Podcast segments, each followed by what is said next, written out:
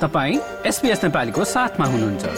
अरू रोचक सामग्रीहरूका लागि S B S dot com dot slash Nepali जानुहोस्। नासिम जेरेका अहिले पूरा आत्मविश्वासका साथ पौडी खेल्छन् तर एक वर्ष अगाडिसम्म पनि उनको भिन्न कथा रहेको थियो। Obviously, growing up in Lebanon, um, I came to Australia at the age of 13. Um, pretty much didn't, didn't, didn't learn how to swim at a younger age, and um, which is something I wish my parents kind of pushed me to do.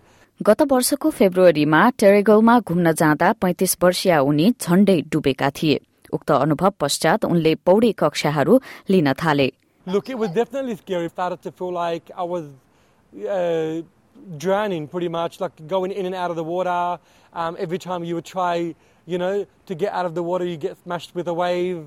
केही परिवर्तन ल्याउनका लागि उनले आफ्नो कथा बाँडेका छन् किनभने एक नयाँ अध्ययनले देखाएको छ कि गत वर्ष मात्र तीन सय उनाचालिस पानीमा डुबेका घटनाहरू रिपोर्ट गरिएको छ। जुन अघिल्लो वर्षको भन्दा पन्ध्र प्रतिशतको वृद्धि हो भने सन् उन्नाइस सय छयानब्बे यताकै सबैभन्दा उच्च संख्या हो। कुल मृत्यु हुनेहरूमध्ये बाढ़ी सम्बन्धी घटनामा ज्यान गुमाउनेहरूको संख्या उनाचालिस रहेको छ। मौसम विभागले अझ पानी पर्ने र बाढ़ीको अवस्था आउने पूर्वानुमान गरिरहँदा यो ढाँचाले निरन्तरता पाउने देखिएको छ। यसरी मृत्यु हुनेहरूमध्ये पैंसठी वर्षमाथिकाको संख्यामा पनि तीन गुणा भन्दा बढ़ीले वृद्धि आएको छ। त्यस्तै पाँचदेखि चौध वर्षका बालबालिकाको संख्या पनि बढ़ेको तथ्याङ्कले देखाएको छ। Stacey Pageon Royal Life Saving अस्ट्रेलियाकी राष्ट्रिय व्यवस्थापक हुन् र उनी भन्छन् We're urging parents to get your kids back into swimming lessons.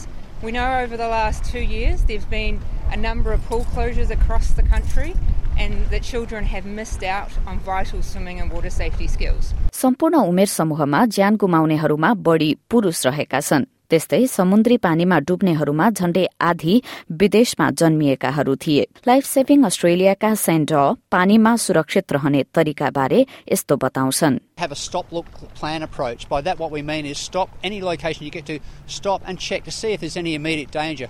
Look around for other hazards and have a plan in place. जल सुरक्षा विज्ञहरूले अघिल्लो वर्ष कोविड उन्नाइसका कारण मानिसहरू एकान्त र धेरैले थाहा नपाएका समुद्री तटहरूमा जाने क्रम बढ़ेको बताएका छन् समुद्री पानीमा डुबेका घटनाहरूमध्ये झण्डै आधी घटनाहरू लाइफ सेभिङ सेवा प्रदान गरिएको स्थानहरूभन्दा पाँच किलोमिटर परको दूरीमा भएका थिए। उनीहरूले यस गर्मीयाममा मानिसहरूलाई सुरक्षा निगरानी गरिएका समुद्री किनारमा मात्र जान र रातो र पहेँलो झण्डा बीचमा मात्र रहन आग्रह गरेका छन्। यो अन्य प्रस्तुति सुन्न चाहनुहुन्छ? Apple podcast Google podcast Spotify मा हामीलाई खोज्नुहोस् वा तपाईँले पोडकास्ट सुन्ने अन्य सेवामा।